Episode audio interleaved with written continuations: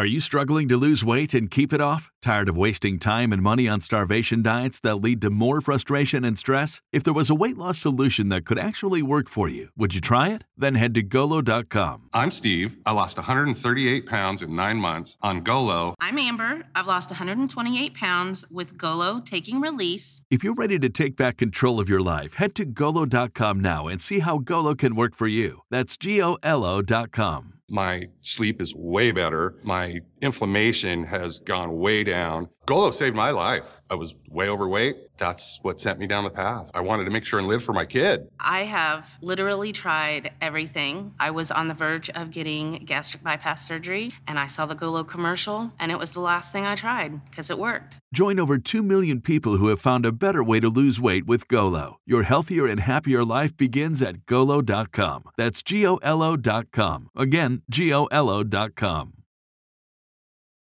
Dit programma wordt mede mogelijk gemaakt door Nederlandse Loterij. De allergrootste supporter van sport. Leuk dat je luistert naar de Wielenflits podcast. We gaan het in deze uitzending hebben over het parcours van de Tour de France. Afgelopen week is dat gepresenteerd in Parijs en wij waren erbij. Voor de tijdritliefhebbers viel het wat tegen. Slechts 22 kilometer. Dat was voor ons dus ook reden om dat het onderwerp te maken van de poll van de week. Waarin jullie behoorlijk eensgezind stemden. In deze aflevering gaan we dus dieper in op het tourparcours. En kijken we ook even naar de Giro, want die vergelijking moet zeker even gemaakt worden. We beginnen met een uitgebreide vooruitblik op het EK veldrijden. Dat doe ik samen met Jury en onze nieuwe veldritverslaggever Zege Schaken. Mijn naam is Maxim Morsels en dit is de Wielerflits podcast.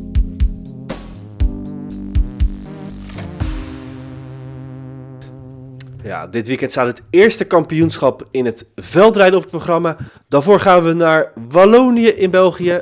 Om precies te zijn naar Namen waar het EK veldrijden op de planning staat. Lars van der Haar is de uitredend kampioen die hopelijk zijn titel uh, wenst te verdedigen.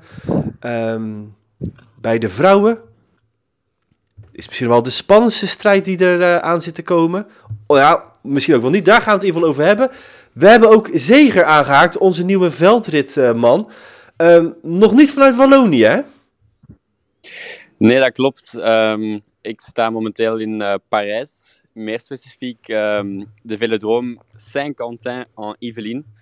Een uh, hele mond vol. Uh, dat is waar het WK baanrennen onlangs is georganiseerd. En waar binnenkort de Track Champions League op het menu staat. Ja, dus dan gaan we even een beetje baanwielrennen tussen de Koppenberg en het EK in voor jou. Ja, klopt. Het is een, uh, een druk, maar vooral uh, leuk programma. Ja, ja dat moet jij natuurlijk zeggen. Ja, wat, heb, heb je afspraken gemaakt hoe vaak je Discovery Plus uh, hier ook nog tussendoor moet vertellen? ik dacht Eurosport en Discovery Plus elke keer een, een tiental keer, dacht ik. ja, nou goed, voor de, voor de luisteraars kunnen gaan, kunnen gaan vinken. Wie, wie is favoriet voor het EK veldrijden? Uh. Ja, Alright, hey, we gaan het even over het, over het EK. Um, allereerst het, uh, het parcours. Um, naam is eigenlijk in korte tijd uitgegroeid tot een van de klassiekers uh, binnen de veldritkalender. Wel pas sinds 2009 op de kalender. Maar we hebben al heel wat mooie duels gezien, waarvan ik denk die van Mathieu van der Poel en Toon Aerts van een aantal jaar geleden misschien nog wel het meest vers in het geheugen zit. Er zijn een aantal wijzigingen. Zeger, wat zijn de meest belangrijke aan dat parcours? Dus uh, dat zijn eigenlijk twee zaken. Enerzijds is er een, uh, een extra brug toegevoegd aan het parcours. Dat is boven aan het kasteel. daar komt ook nog een extra lus bij, met dan ook een extra klim. en dan denk ik persoonlijk het belangrijkste punt dat is veranderd. Op het einde van de omloop is de klim teruggekeerd. Um, die zat een aantal jaar geleden al in het parcours. Um, het is een vrij stevige klim, dus mocht het verschil nog niet gemaakt zijn, um, dan zal dat in principe daar zeker gebeuren. Dus namen ja. is uh, zeker niet makkelijker geworden. En, en die schuine kant, die altijd, hè, die kenmerkende schuine kant uh, die erin zit, ja. dat is ook niet meer wat die geweest is, toch? Nee, klopt. dat is eigenlijk vorig jaar al veranderd. maar ze hebben het een klein beetje verlegd. Om het eigenlijk zeg maar, nog moeilijker te maken en om de technische capaciteiten daar zeker um, nodig, te, nodig te hebben, zeg maar. Maar is het dan uh, een verbetering. Want ik vond juist die schuine kant, hoe daar zo al die crosses een beetje zaten te priegelen. Van ga ik fietsen, ga ik lopen. Te balanceren met een evenwicht. Vond ik juist de charme van dat hele parcours hebben. Ja, ik denk dat dat dit ook nog wel het geval zal zijn. Ehm, zeker als er nog wat regen zou vallen, dan denk ik dat we die tafereelen zeker nog wel gaan kunnen zien. Die gaan namen sowieso spektakel gaat zijn. Ja. ja. Laten we eens beginnen bij eh, de vrouwen. Dat was de afgelopen paar jaar ehm, eigenlijk de spannendste categorie bij de elite. Maar ja, is dat nu ook nog het geval? Als je kijkt naar de laatste weken, is er toch maar één dame die er uh, echt met kop en schouders bovenuit steekt. Is, uh, zeker voor jou ook, fan van Empel, de topfavoriet? Ik denk het wel, ja. Het is op dit moment echt outstanding um, op alle omlopen eigenlijk. Dus um, ik denk ja, dat, er, dat het moeilijk zal zijn om echt vuur aan haar schenen te leggen, zeg maar. Um, maar het is natuurlijk nog altijd zeer jong. Gaat ze met de druk kunnen omgaan? Zeker op de Koppenberg, toen ik haar sprak, zei ze voor het eerst dat ze toch wel redelijk moe was van alle media-aandacht. Um, dat is toch ook voor het eerst dat ik dat... Niet van het fietsen? Nee, nee dat, dat, dat lukt voor, uh, voorlopig heel goed. Nee, maar dat was toch voor een eerste signaal. Ja. Ik dacht van misschien... Maar ja, ze is echt outstanding ja, op dat, moment. dat is typisch Vlaams, hè? Die zoeken altijd in dat soort dingen, zoeken die wat. We moeten, we moeten iets doen, hè, Jury? ja, nou, wat ik, wat ik wel mooi vind aan... Uh, kijk, als je ook bij Van Empel ziet, die wint met bijna een minuut op uh, de Koppenberg. Nou ja, een klimcross bij uitstek. Dus dan ja, heb je al, uh, leg je een rode loper voor jezelf uh, uit richting, richting Namen. Maar het is vooral... Um, Plus ook haar technische skills ja. en, uh, en, en haar mountainbike-achtergrond. Ja. Jij sprak haar na afloop. Uh, zeker, laten we eens even naar luisteren. Want ik vond het vooral mooi. We hebben heel lang zitten graven en alle aanwijzingen opgezocht van gaat ze nou bij de elite of bij de belofte rijden. Maar is uiteindelijk haar beslissing al heel vroeg genomen. Ben je dan in, op het EK alleen tevreden met de, met de titel? Of hoe moeten we dat zien? Um, ja, ik heb, uh, ik heb al een heel lange periode erop zitten. Uh, voor mij is het druk er een beetje af. Uh, ik ga er zaterdag natuurlijk het hoogst haalbare uithalen. Um, ik vergeet af en toe een beetje te genieten, dus um, het, zal, het zal vooral ontspannender naartoe gaan en ja, het beste eruit halen. En dan toch nog de keuze voor de elite. Kan je even toelichten waarom je toch nog niet bij de belofte rijdt en toch bij de elite aan de start gaat?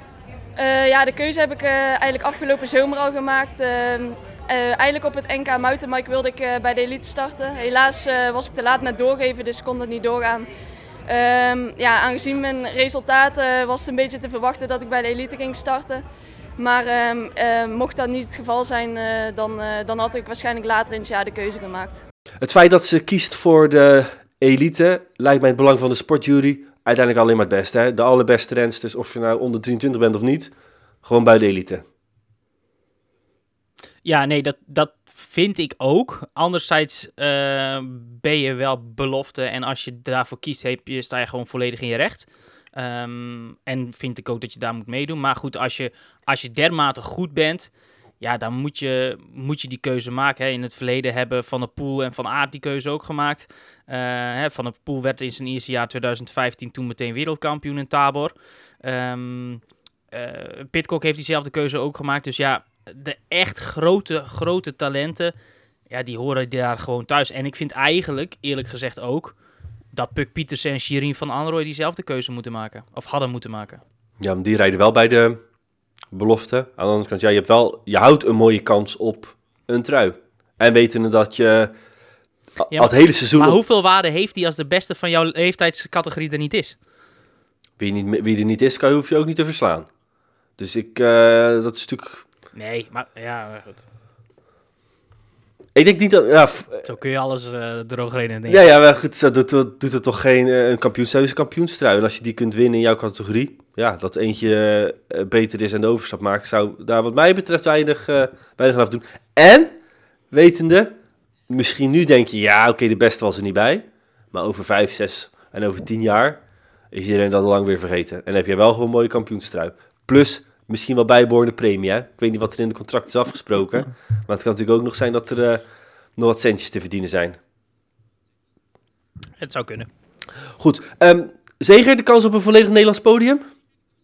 Hoe groot is die? Bij de vrouwen Bij de vrouw is dat reëel, al uh, is er ook nog een Blanca Catavas. Uh, ik denk als er een buitenlandse, zeg maar een niet-Nederlandse, bij het podium dichtbij komt, dan zal het zij zijn. Ja. ja maar ik, ik heb ook even de deelnemerslijst bekeken. Het is eigenlijk de enige concurrent voor Nederland. Want uh, andere buitenlanders heb ik... Ja, goed, je kunt dus misschien zeggen... Hmm, Sanne Kant op haar oude dag. Um, kan ze het wel of kan ze het niet? En uh, ja, dan is het Vas en, en Pauline Ferrand-Prévot. Um, hebben we overigens een nieuwtje opgevangen, Maxime. Die kunnen we hier wel even erin gooien, denk ik. Jij wil gelijk de Wielenflits Boulevard induiken. Dit is een mooi momentje. exact, exact. Want die is natuurlijk gesteund door een nieuw liefje. Of uh, de, de, een nieuwe liefde. En ja, goed, normaal gesproken ga je er wel harder van rijden. En uh, op de Koppenberg bleek dat nog niet zo te zijn. Maar goed, iedereen moet een keer warm draaien. Dus wie weet zou de ex-wereldkampioenen best wel eens mee kunnen doen als verrassing. Uh, gesteund door haar nieuwe vriend Dylan van Balen. Ja, dat was. Uh, dat wisten we nog niet. Maar leuk, lijkt me hartstikke leuk koppel. En uh, wie weet nee. geeft het haar vleugels voor, voor de strijd in Namen. Ja, als we toch even het lijstje verder, het Wielenflits Boulevard stukje afronden, Albert, met jouw goedkeuring. Dan zou je nog normaal gesproken een van, een van de concurrenten Klare Honsinger. Ja, dat wordt lastig om mee te doen aan het EK. Zij is Amerikaanse. Maar je ziet ook in de Koppenberg Cross uh, Marie Schreiber. Maar ik weet niet, doet zij mee bij de... Zal we ook bij de onder 23 meedoen, uh, zeker? Zij is pas 19? Ja. Ja, klopt. Zij is volgens mij pas eerste, of, ja, eerstejaarsbelofte. Klopt. Ja. ja. Ik denk dat de kans, ik denk dat de kans op een volledig 100 uh, Nederlands podium is 100%. Ja, maar Jury... Ja, ja oké, okay. jouw voorspellingen kennen we. Daar uh, moeten we vooral niet, niet blind op varen. Ja, Vos en Celinda Carmen Alvarado. Ja, dat is uh, Vos natuurlijk net uh, afgelopen weekend teruggekeerd in de cross. Um, heeft nog even wat rodage nodig om, denk ik, helemaal klaar te zijn voor de verdere kampioenschappen. Of verwacht je haar al in namezeger? Goh, Vos is natuurlijk ja, een, een een fantastische renster, maar ik denk dat ze niet um, echt zal meedoen voor de medailles. Um, ik denk dat ze daarvoor toch nu al wat meer wedstrijden zouden moeten gereden hebben. Zeker aangezien Namen een zeer zwaar parcours is. Um, dus ik denk niet dat het voor het podium zal zijn. maar ja, Vos blijft Vos en ze mag ons altijd verbazen. Ze mag altijd meer de koers maken. Dat het, zal, het zal alleen maar mooier maken. Ja. Laten we even kijken naar de onder 23 eh, categorie. We hebben het over de vrouwen net gehad. Daar zijn eigenlijk de grote favorieten dus ik denk één Puk Pietersen, twee uh, van Android. Ik vind wel dat we er nog eentje vergeten bij de vrouwen. Als ik eerlijk ben. Nou, wie dan? Uh, Mrs. Uh, Consistency op een, op een hoog niveau. Denise Betsma. Was vorig jaar toch tweede achter Brand in namen. En is ook dit seizoen weer, nou ja, op, eigenlijk op een gebruikelijke, standaard hoge niveau. Um, alleen ja, goed, de laatste jaren is gebleken dat uh, het echte pieken voor haar is soms wat lastig. Uh, ondanks dat ze eigenlijk altijd meedoet van voren. Um, maar goed, Brand heeft de laatste jaren eigenlijk de cross in namen gedomineerd. Um, en aangezien zij niet in de allerbeste vorm steekt... en Van Empel nu natuurlijk door haar rest van het seizoen uh, huizenhoog topfavoriet is, wil ik Betsema eigenlijk wel op, op de tweede rij plaatsen. Nee, heb je maar gelijk. De hele tweede rij uh, zijn we gemakshalve bij het afdoen van een volledig Nederlands podium overgeslagen. Want je hebt natuurlijk twee Betsema en Annemarie Worst. Dat zijn de twee grootste kanshebbers op ja. um, eigenlijk podiumplekken. En dan gaat de volgorde eigenlijk de wedstrijd moeten, moeten uitmaken. Dus nee, terechtpunt. Um, ik denk van de uitdagers van Van Empor we hebben in het veldrijden nog altijd te maken met lekke banden. Nou, daar weet Lars van Haar sinds afgelopen week ook weer alles van. We hebben een materiaalpech, uh, wat uh, een spelbreker kan zijn. Ja, daarna is Betsema denk ik wel de, de voornaamste kandidaat om haar ploeggenote uh, Fem van Empel het lastig te maken. Dat denk ik wel. Hoe denk jij daarover, Zegen? Ja, in principe, in principe zou ik er eigenlijk ook nog Annemarie Worst zeker naast zetten. maar zij zit met het gegeven dat ze in Maasmechelen uh, haar knie heeft gestoten en daar toch nog last van ondervond. Ook in de Koppenberg niet aan de start kwam. Um, dus ja, wie weet zegt ze van ik spaar me voor het EK-naam. En dan als ze die knie in orde is, denk ik wel dat Worst er eigenlijk het dichtste zal bij zijn. Ehm, zeker omdat Worst ook op de kampioenschappen altijd in Noorden is. Ze is al eens Europees kampioen geworden. Afgelopen jaren was ze al een paar keer dicht bij de wereldtitel. Dus als haar knie in orde is, dan denk ik dat Worst eh, eigenlijk heel goed gaat zijn. Maar in het worst case scenario staat ze niet op het podium. Flauw, flauw. Hey, Ik was, ik was bij die wereldbeker in, eh, in Waterloo, hè. En daar werden ze ook allemaal één voor één aangekondigd. En ehm, ze deden echt heel erg hun best, die speakster. ik voel hem Oh, aankomen. maar niet worst. Eh, die, die had echt geoefend op het op zijn Nederlands te zeggen. Om me niet te zeggen van hier is eh the worst one. Eh, ja, dat was al dat was een redelijk komisch tafereel voor degenen die erbij waren. We gaan de- naar de onder 23 Ja, eh, ik kan het me voorstellen. vrouwen. Ehm kun je het kort over hebben? Eigenlijk Pietersen in, daar in de pole position eh, om ehm, eh, de titel te pakken. Maar goed, moeten daar opnemen dus tegen Van Androoy. Zij samen ehm, hadden het nog over een Française als eh, uitdager. Ehm poeh, ja. We zijn eh, met meerdere sterke beloften. Sowieso, Puk is natuurlijk echt een van de favorieten. Ik denk dat Française Eline Berquier ook heel hard gaat fietsen. Dus ik denk dat we meerdere favorieten hebben. En ehm, ja, dat het gewoon een kwestie is van nu heel goed herstellen en hopen daar op een superdag. En waarom ben je dan- ben je dan tevreden zaterdag? Is dat podium? Is dat meer? Eh, ja, ik hoop natuurlijk wel op het podium te eindigen als ik zie hoe ik de afgelopen weken nu heb gereden. Maar eigenlijk is het belangrijkste gewoon dat ik een goed gevoel heb tijdens de cross en een goede crossrij. En dan ja, moet ik vanzelf kijken op welke plaats ik ga eindigen. Ja, Line Bourquier, ehm, als ik het mooi uitspreek, eh, daar gaat het over. Ehm, goh, ik denk eigenlijk, het zal, ze zal zeker in de top 10 eindigen, maar ik denk niet dat ze echt in de buurt zal komen van, eh van Androy en van Pietersen. Als er iemand in de buurt zou komen, dan kijk ik toch eerder naar Marie Schrijver, eh, die we eerder noemden, de Luxemburgse. Ehm, die we ondertussen kennen van haar kopstart. Eh, in, eh, de, op de Koppenberg nam ze nog echt een verschroeiende start. Ehm, ik denk als er iemand bij de twee Nederlandse blijft, dan zal het Schrijver zijn en niet Bourquier, eh, denk ik persoonlijk. Dat zou kunnen. Ze is wel Frans kampioene bij de elite. Mm. Eh, is natuurlijk eh, geen, eh, geen, geen... Dan ben je geen koekenbakker. Zeker niet omdat ze pas eerstejaars... of nu tweedejaars belofte is. Eh, en ik verwacht toch naast die twee en... ehm eh, eh, naast Burkier en, eh, en ehm, eh, Schreiber ook de eh, Tsjechische ehm Kristina Zemanova. Ja. Bij de onder 23 mannen zal het waarschijnlijk een eh, duel gaan worden tussen eh, twee ploeggenoten, Thibaut Nijs en Ronnaar. Beide die het ook al goed doen in de wedstrijden waar de elite eh, geen loswedstrijd hebben, dus zich daar al tussen, tussen de profs mengen. Ehm, wie acht jij in het voordeel, Zeger? Goh, ik zou durven zeggen Thibaut Nijs. Ehm, ik, denk misschien dat hij net, net iets meer eh, de killer is ehm, tegenover Ronnaar. Al maakte Ronnaar echt wel indruk op de Koppenberg. Eh, die klom echt heel sterk. Ook een heel steady cross eh, gereden. Misschien in tegenstelling tot Nijs, die misschien ja, net te veel eh, krachten heeft moeten verspillen in het eerste deel. Ehm dus Ronnaar maakte echt wel indruk, maar ik denk toch dat Nijs net dat procentje voor heeft. Ja, Ronnaar vijfde op de Koppenberg, minuut achter Van der Haar. Nijs zevende op 1,26, dus zit bijna een halve minuut tussen. Maar goed, dat zijn natuurlijk de momentopnames. Ga jij mee in de lezing van Zeger, eh, Juri?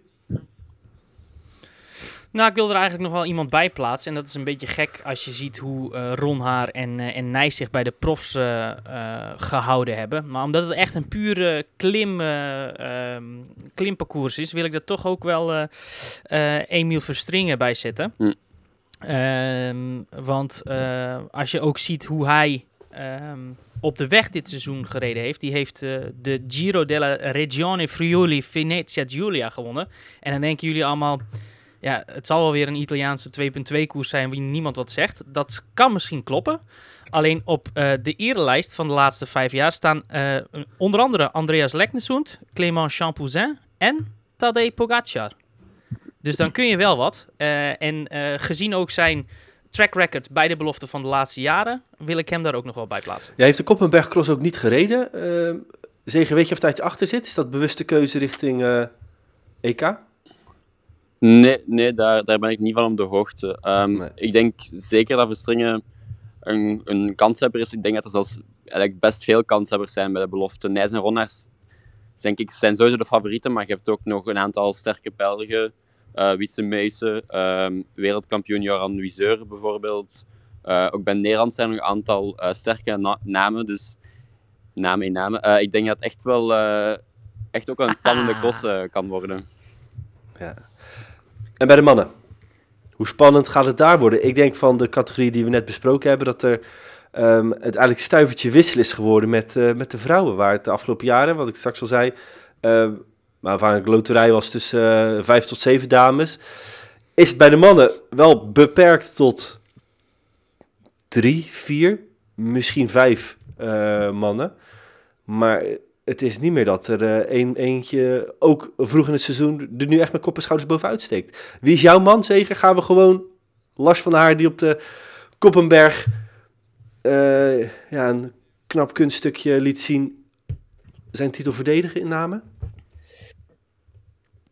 Ja, ik denk toch dat we een Nederlands feestje gaan krijgen. Um, in het begin van het seizoen stak natuurlijk Iserbiet er echt bovenuit.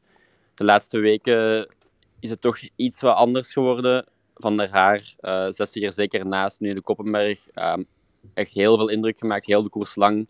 In de sandwich tussen Van Toornhout en Iserbiet en toch nog op zo'n manier kunnen afmaken, dat is de vorm zit goed, uh, het hoofd zit goed, zo koeltjes kunnen blijven. Dus uh, ik denk dat Van der Haar echt wel de topfavoriet is. Ja, vooral ook de manier hoe hij eigenlijk naar uh, zijn seizoen nu inplant. Hè. Kiest u bewust voor wereldbekers te laten schieten. Um, en echt op, op kampioenschappen en een individuele crossen vooral te focussen. En dan zie je toch wel dat dat uitbetaalt. Hè? Ging alleen naar de Waterloo voor uh, de Track Ja, ik vermoed dat dat ook een beetje een verplichting is, want het is natuurlijk uh, de grote sponsor van zijn ploeg. Maar reisde meteen naar huis toe om, en liet daarmee Fayetteville schieten. ook in aanloop naar Tabor, wat nou, misschien wel een van zijn favoriete wereldbeker crossen is. Een parcours wat hem altijd goed ligt. En nu ook stapgewijs zo zijn seizoen opbouwt. En, en, en, en nu wel al, ja, al een aantal keer zich al, al weten te zegenvieren. Jury, hoe kijk jij ernaar? Nou ja, goed. Lars is natuurlijk een meester in het pieken. Dat, dat bewijst hij al jaren. En is natuurlijk titelverdediger. Um, en zou normaal gesproken in namen, ondanks dat hij er nog nooit gewonnen heeft, um, ja, uitstekend tot zijn recht moeten komen. Um, ik vond vooral, volgens mij heb ik uh, halverwege de cross dinsdag al geappt, Lars van der Haar wordt Europees kampioen. Uh, nu kun je wel weer inhaken over dat mijn voorspellingen nooit kloppen, maar die tussenversnelling die hij deed om in het veld daar Van Toerenhout te remonteren, die dus weggereden was en Isebiet had gezegd van ja goed, doe jij het maar ja, de manier waarop Van der Haar eigenlijk in één ruk naar Van Toerenhout reed, toen dachten we, oké, dit is de topfavoriet voor zondag. Um, nou ja, en in de, in de finale wordt er nog een foutje gemaakt, glijdt hij onderuit.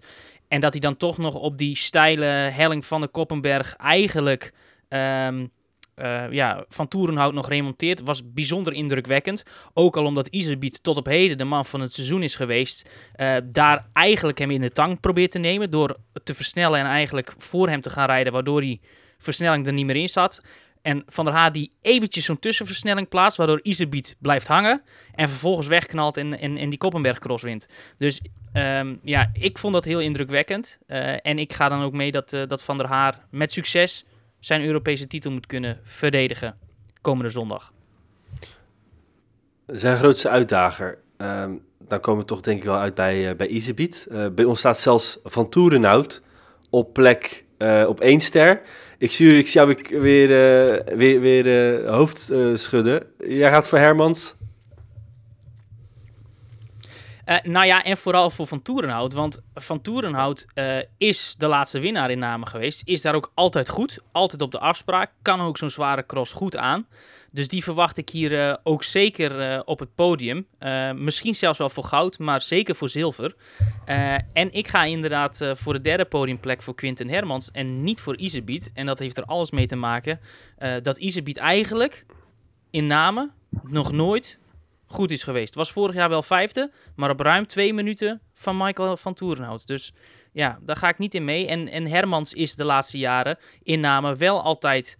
Um, uh, dichter geweest. Plus het feit dat hij ja, vorig jaar ook op de Vanberg, ook een klimparcours, heel lang de dienst uitmaakte. En ik, ja, ik verwacht hem eerder dan Iserbiet, die toch in namen nog nooit echt goed voor de dag is gekomen. Ja, terwijl- Ondanks dat het hem zou moeten Ja, ik wil zeggen, terwijl het als lichtgewicht eh, toch een parcours is wat, wat bij hem past, zeker. Ja, zeker. Eh, het is inderdaad een feit dat Iserbiet ehm, niet de fantastische uitslagen heeft in namen. Ehm, al denk ik wel dat bijvoorbeeld nu die, de wijziging in het parcours zeker hem te goede zal komen. Ehm, ik denk dat dat zeker in zijn voordeel is. En ja, aan de andere kant denk ik ook niet dat we ons moeten blind staren op die vorige uitslagen. Ik denk dat we zeker naar de vorm moeten kijken. En als we puur naar de vorm kijken, dan gaat Iserbiet echt wel meedoen. Ehm, ik denk ook zeker dat Iserbiet mentaal echt heel sterk is. Ehm, en dat hij zich ook echt perfect zal hebben voorbereid op de cross in Namen. Dus ik denk toch echt wel dat hij mee zal doen voor de overwinning. Dan hebben we één man eh, hierin eh, nog niet besproken die we zeker eventjes moeten eh, aanhaken. En dat past ook goed samen met het volgende blokje. Namelijk Laurens Zweek, de winnaar in Maasmechelen, dus de meest recente wereldbeker. Kent een goed seizoen, is bevrijd van zijn ploegmaten nu die bij Friestad rijdt. Eh, dus geen easy beat, geen Van Toornout meer met wie die in de tang zit qua ploegbelangen wat verwachten van hem is natuurlijk misschien wel de breedst gebouwde crosser van de renners die we net genoemd hebben. Gaat hij dat, gaat hij dat, dat kunnen? Gaat hij mee kunnen komen, Zeger? Nee. Ja, dat is, een, dat is een echt een heel moeilijke. Net zoals bij Iserbiet, puur qua vorm doet hij echt mee. Eh, maar het parcours in Namen ligt hem wel gewoon echt niet. Ehm, het is in principe echt wel te zwaar. Eh, zoals ook de Koppenberg hem niet ligt. Al moet ik ook wel zeggen dat bijvoorbeeld de wereldbekers in Amerika, in Waterloo en eh Fayetteville, in principe ook net te zwaar zijn voor hem. Ehm, en daar rijdt hij ook wel echt gewoon mee. Dus hij heeft wel al bewezen dit seizoen dat, ook al ligt een omloop hem niet echt, hij echt wel kan meedoen. Eh, maar naam is nog net dat, dat leveltje hoger. Dus ik denk inderdaad dat Zweek eh, niet gaat meedoen. Nee. Zijn beste uitslag tot nu toe is eh, wel een podium 2014. Maar dat was bij de belofte. Bij de elite 16, 17, Ja, was bij de belofte. vijfde. Dus dat, eh dat gaat waarschijnlijk een... eh, Ja. een eh, En de, ja? Wat wil je zeggen, Juri? nou, en de laatste jaren gewoon echt, nou ja, en de laatste jaren gewoon echt op minuten gereden. En ondanks dat hij in topvorm is, ga ik volledig mee met zegen dat dit eh, te zwaar is voor Laurens Ja, maar hij is eh, afgelopen week nog een keertje eerste geworden. Naast Maas Mechelen ehm, staat hij ook bovenaan in eh, onze statistieken als het, meest, als het best gelezen bericht van eh, de week. Ehm, het artikel waarin hij eh, toch wat uithaalt richting zijn uitploeggenoot uh. Was boos op hem, vond hem een onverdiende winnaar, omdat hij toch in die ploegbelangen... Of, hij zijn verantwoordelijkheid niet zou hebben genomen in... in de superprestigewedstrijd van eh Rudevoorde. Liet al het werk over aan Zweek en eh, ja, uiteindelijk eh, poefde hij er in de finale er wel langs. Ehm, dat kon eh, hij niet waarderen, vond dat kampioen onwaardig. Komt ons bij de essentiële discussie. Is het gewoon heel slim? Of is het inderdaad een beetje goedkoop om op deze manier koers te winnen? Zeger. Hoe zou jij in deze discussie die gev- gevoerd moet worden? Goh, ik, ik, ik vind het eigenlijk gewoon heel slim van Iserbiet. Ehm ik denk niet per se dat hij echt die verantwoordelijkheid... Laurens Zweek gaat nu nooit meer iets tegen jou zeggen, zeker, hè? Dat weet je. Ik zal hem straks wel even een, eh, een goed maakberichtje sturen. Nee, nee ik, ik denk gewoon dat Iserbiet echt een slimme, slimme coureur is die weet hoe het tactisch moet spelen. Ehm, en ik denk dat, dat dat gewoon het meest verstandig is en het meest efficiënt om zo te rijden. Dus ik denk dat, je, ja, dat gewoon het juiste deed. En het is ook wel mooi, hè? Eh, we, zeuren, we al jarenlang dat er te weinig peper en zout in de cross zit. Als, zeker als Van der Poel en Van Aert niet meedoen. Die natuurlijk altijd eh, wel een robbertje uit te vechten hebben. Is het dan wel niet in het veld, dan wel eh, na afloop. Weet ik nog een keer ooit te herinneren dat Van Aert ook een keer zei van... Dat was wel op een weg trouwens. Maar dat hij zei van ja, Van der Poel rijdt alleen maar om mij te doen verliezen. En toen Van der Poel eh, hoogstpersoonlijk zelf terugliep naar de Sportza-studio om verhaal te halen. Eh, ja, dat soort dingen missen we al jaren eigenlijk als zij niet meedoen. Eh, dus ik juich dit heel erg toe. En Laurens, je hebt van mij alle steun. Doe dit vooral wat vaker, want ja, dat brengt gewoon wat leven in de brouwerij. En misschien is dat ook wel voor de toeschouwers eh, leuk om eh, ja, toch sneller weer naar die cross te kijken. Van ja, wat gaat er nu weer gebeuren waar we achteraf eh, lekker over kunnen, kunnen discussiëren of het wel of niet is. En ja, ik hou er wel van eigenlijk, van die uitgesproken renners die, eh, die geen blad Ja, voor zeker. Ik vond het ook, ehm, wat dat betreft, alleen maar lof voor Zweek. Ik vind ook, ook niet des Vlaams om zo gepeperd je uitploeggenoot ehm, ja, toch eigenlijk eh, verbaal aan te vallen. Dus wat dat betreft goed. En heeft hij ook een punt? Ja, het is niet de mooiste manier om te winnen, maar ja, moet je alleen maar op mooie manieren winnen? Nee, dus het is heel slim en uitgekookt van, van. Ehm, had, had ik het zo gedaan? Nee, ik zou alleen maar op mooie manieren winnen. Had Jury het op deze manier gedaan? Zeker weten. Toch? Hé, jij maakt het niet uit. Absoluut. Winnen, Precies, winnen ja. is Nee, winnen. Ik, eh, ik ga toch voor de mooie Nee, zegen. Maar natuurlijk, het liefst op een mooie manier. maar soms moet je ook... eh, maar, eh, maar ja, goed, nee, ben ik met je eens. Maar een winst is wel een, eh, een overwinning is wel een overwinning. Kijk, nu gaat het, Eh, het gaat dus, ook om de eh, super ja, precisie van ehm, Ruddevoorde. ik- Ja, dat... eh, en je hebt al een aantal overwinningen. Dan zou je toch als Isebiet zeggen... Joh, ik trap ook even drie keer, dan is het, eh, dan is het geweest. Maar laten we wel zeggen... Het zorgt voor een opleving op alle fronten. Ehm, je ziet het ook aan, aan onze honderdduizenden luisteraars en lezers... die toch eventjes het bericht aanklikken. ehm, dat ze benieuwd zijn hoe het zit. Eh, het brengt leven in de brouwerij. Dus wat dat betreft is het goed. En we moeten natuurlijk ook deze podcast vullen. Dus dat is ook gelukt. En, plus, plus, was het niet een teken aan de wand. Want Isebiet won dan wel nipt. En eh, volgens Zweek dus, ja goed, als je een waardig kampioen bent, dan eh, moet je je verantwoordelijkheid nemen. Maar was het niet van beter kunnen? Was eh, die derde plek in Maasmechelen en het verlies op de Koppenberg niet een gevolg? En toonde dat, dicht, eh, dat zich daar misschien niet al aan? Dat zou, dat zou kunnen, maar het neemt niet weg dat je alsnog dan eventjes op kop gereden En kunt dus hebben. haalt hij het podium op het EK niet komend weekend? Ja, Juri, eh, ik denk dat hier zo de, het verhaallijn is uitgetekend. Ik zou zeggen, ga alvast stikken. dat komt helemaal in orde.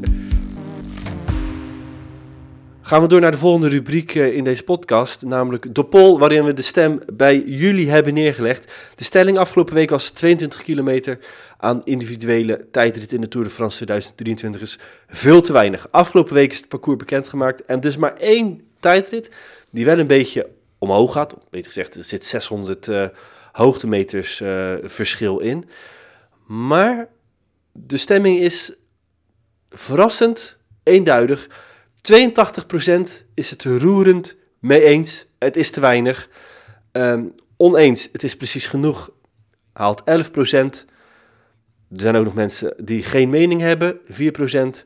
En oneens, het is zelfs te veel. Haalt het met 2%. In totaal eh, meer dan eh 3000 stemmen, richting de 3500 stemmen. Dus ja, dat zegt wel wat. Juri, wat is jouw eh, standpunt in deze casus? Nou, ik vind dat eh, tijdrijden hoort eh, bij het palet van ronderenner. En eh, nou, eigenlijk zeker een vlakke individuele tijdrit moet er altijd in zitten. En ik vind toch dat je toch minimaal wel een kilometer of 50 eh, minimaal aan tijdritkilometers moet hebben. En ik vind dit echt heel weinig. Maar ik vind het sowieso eigenlijk best wel een heel interessant tourparcours. Vertel waarom. Ik ben het met je eens. atypisch. En nou, ja, ik, ik vind het namelijk niet echt ehm, een ronde voor de aller, aller, allerbeste klimmers. Ehm, want het, ik vind eigenlijk dat de komende Tour de France, daar kan een coureur winnen.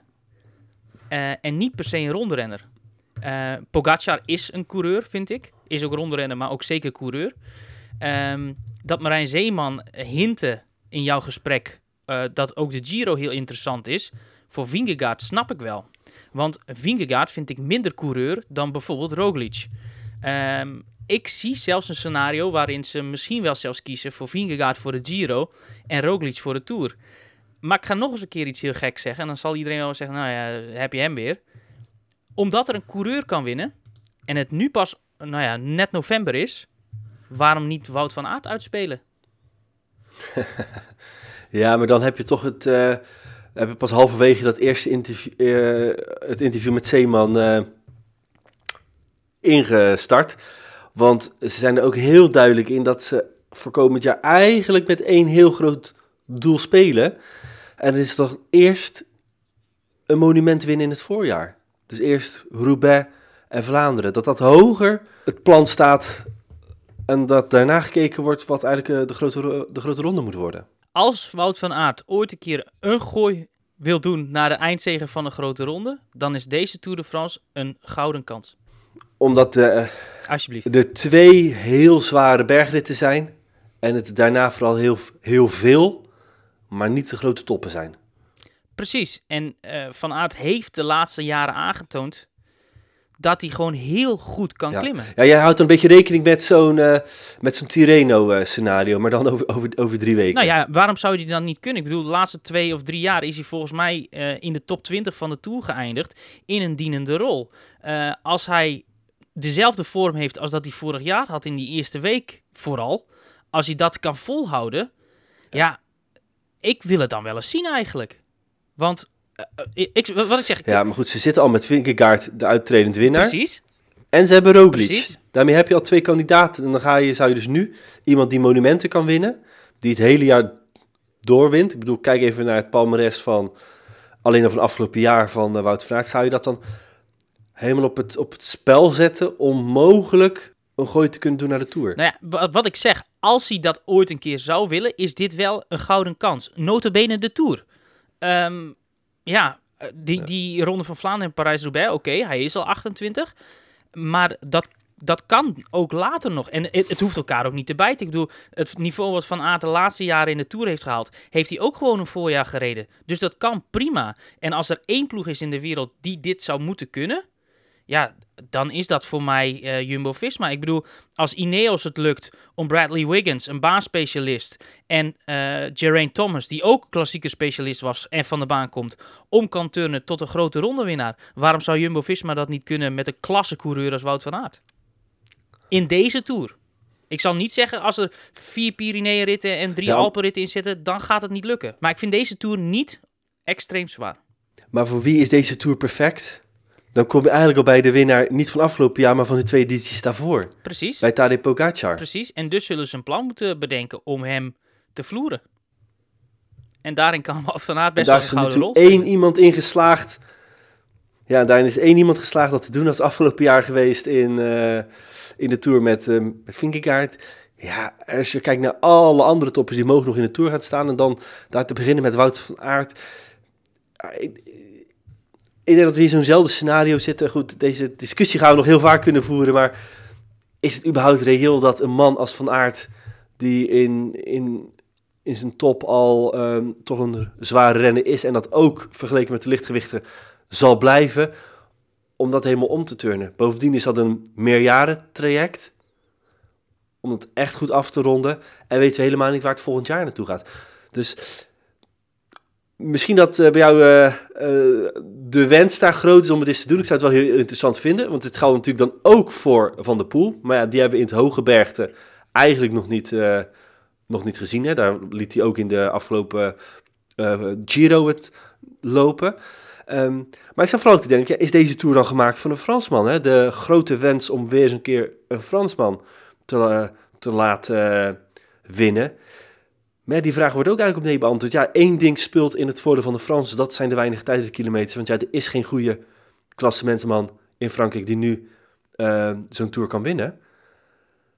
Nou ja, Maar ja, dat is het ook niet. als we kijken naar wat ik zeg, hè, dat, er, dat er een coureur kan winnen, ehm, dan heb ik wat dat betreft ook best wel veel vertrouwen in eh, David Gaudu.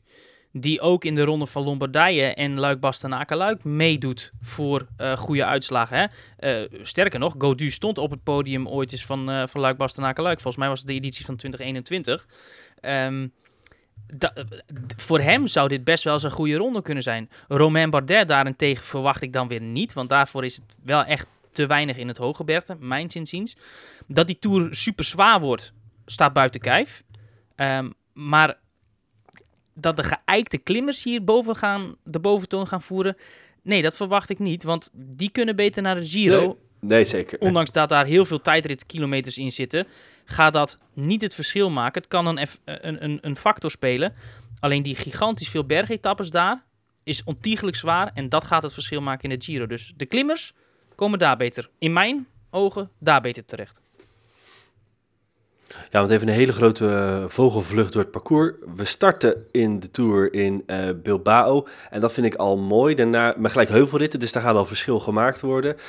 Niet in het eerste weekend pas klimmen, maar al halverwege de week. Woensdag, donderdag, de Pyreneeën. Met op donderdag een rit over uh, de Aspin en de Tourmalet. En dan nog eens een, nog een slotklim. Dus dat is eigenlijk de zwaarste Pyreneeënrit.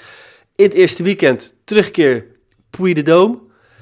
Vervolgens wordt eigenlijk een oversteek gemaakt uh, door het Centraal Massief richting uh, de Alpen, waar er één rit letterlijk erbovenuit steekt, de Col de la Loze. Um, daar gaan we overheen afdalen en vervolgens is er nog een klim naar um, Courchevel, waar de, op uh, de landingsbaan wordt gefinished. Nou, schitterende rit. Ik denk dat dat de koninginrit als koninginrit mag worden aangeduid. Wat ze heel slim hebben, wat ze heel slim hebben gedaan, zijn die sprintritten verspreid. Er zijn er best wel wat. Ik denk dat je echt gerust vijf, zes sprintritten kunt zien. In totaal worden er acht vlakke ritten aangeduid. Maar in het slot zit nog, um, zitten nog twee, eigenlijk drie kansen. Um, na de Alpen twee sprintkansen. Vervolgens hebben we op zaterdag, de voorlaatste dag, de rit in de Vogezen naar de Mark Stein. Ik denk een heel interessante rit op de voorlaatste dag. Daar gaan echt nog dingen kunnen gebeuren. Vooral de opeenvolging van bergen gaat daar zo'n uh, beslissende rol uh, kunnen spelen nog. En dan hebben we de slotdag in Parijs waar opnieuw gesprint gaat worden. Dus wel een heel divers parcours. Ja, ik mis alleen wel een tweede tijdrit en vooral een ploegentijdrit. Ja, en misschien nog een erg zware... En, en vooral iets... Nou ja, ja, maar ik denk dat die Tourmalet... Um, we hebben nog um, de Jouplan, wat een uh, ongelooflijk uh, rot ding is. Um, ik mis vooral nog wel iets van kasseien of een gravelrit. Om toch het hele palet, dat vond ik het mooie aan de Tour van dit jaar. Was toch echt een, uh, een totaal coureur. Voor zover dat woord uh, mag gaan bestaan. Werd er wel echt gezocht. Iemand die echt alles moet kunnen. Um, zo zie ik persoonlijk een Tour het liefst.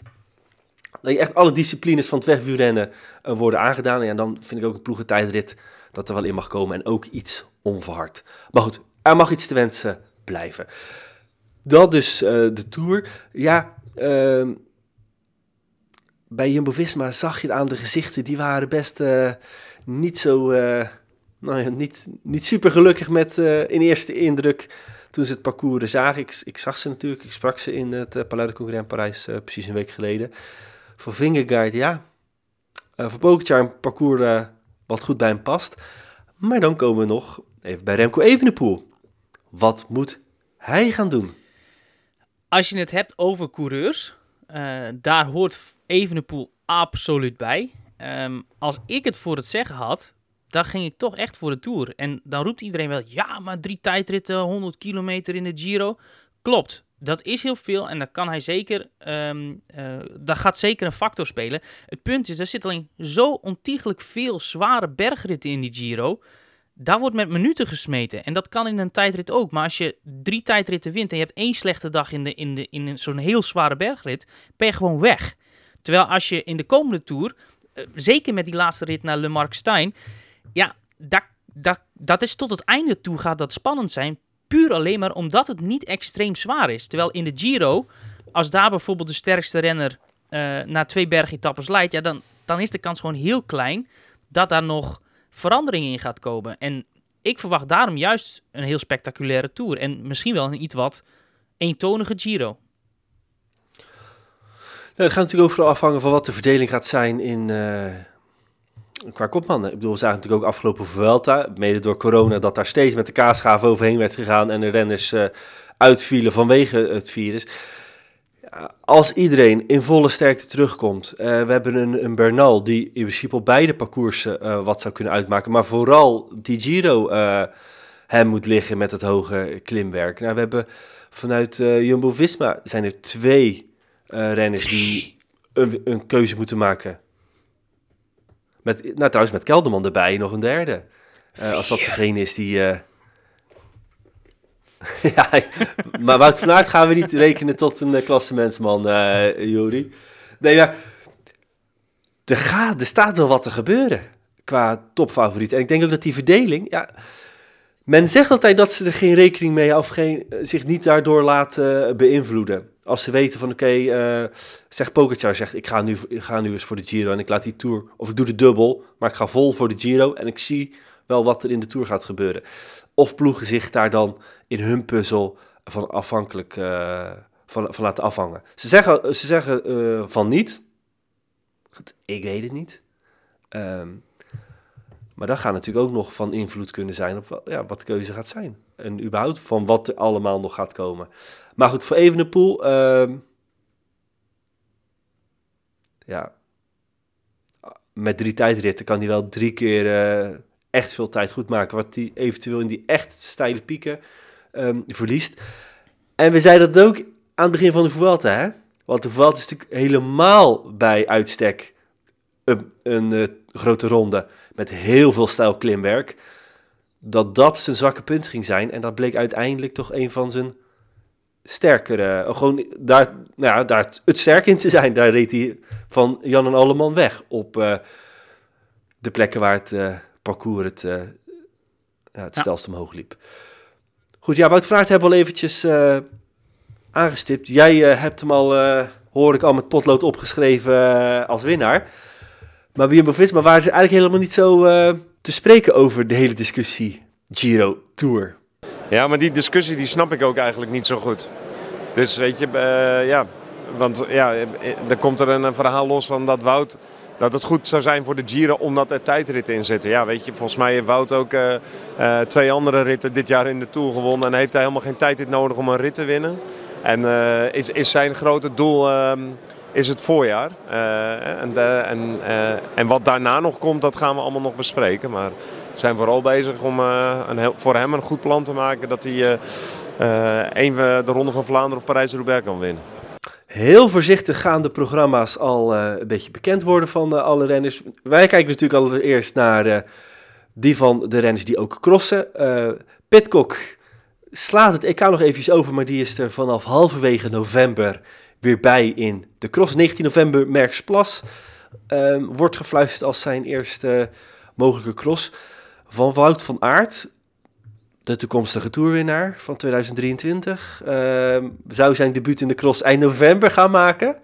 En uh, dan ook al uh, Van de Poel zou ook rond die, uh, rond die datum al in zijn hoofd hebben, misschien begin december. Dus het duurt niet meer zo lang. Binnen een maand zijn de grote drie ook in de cross aanwezig. Nou, heel nieuwsgierig hoe dat dan gaat zijn ten opzichte van de Lars van de Haren en de Easy Beats. Kijken of dat gat ten opzichte van vorig jaar wat kleiner is geworden. Maar wees gerust, daar gaan we nog hele podcasten over vullen. Um, volgende week ook... Uh, gaat het ook nog even hebben over de Tour de Femme, want daar is ook wat... Uh, een mooi parcours, dat bewaren we voor volgende week. Ik heb nog een service-mededeling. Want zou jij willen werken bij Wielenflits, dan is er een kans. Want uh, we zoeken een content marketeer. Iemand die ons gaat helpen om enerzijds dit pareltje iedere week op een goede manier te verwerken. Maar ook al onze artikelen op social media uh, meewerkers aan uh, de podcast. Um, zowel Wielerflits als Ride Magazine. Vacature staat inmiddels online. Lijkt, dat wat, lijkt je dat wat? Of ken je iemand bij wie dat zou passen? Wees dan uh, niet zo bescheiden. Je mag hem gerust aan diegene doorsturen. Nou, tot zover de aflevering van deze week. Juri, jij gaat de boot pakken van Ameland naar het vasteland voor weer een ander pareltje in Rijk ja, Magazine. Dus uh, die vertrekt over 27 minuten. Dus ik ga nu als de wiede weer gaan mijn laptop dichtslaan en uh, mijn schoenen aandoen. En dan uh, met standje Max Verstappen richting de veerboot. Ja, voor een mooi verhaal in Groningen. Maar meer daarover gaan wij niet weggeven. Eind deze maand, eind november, liggen we in de schappen met het winternummer van Ride Magazine. Maar ook daarover zeker meer de komende weken. Hartelijk dank voor het luisteren en geniet van het EK Veldrijden waar je niks van hoeft te missen bij onze vrienden.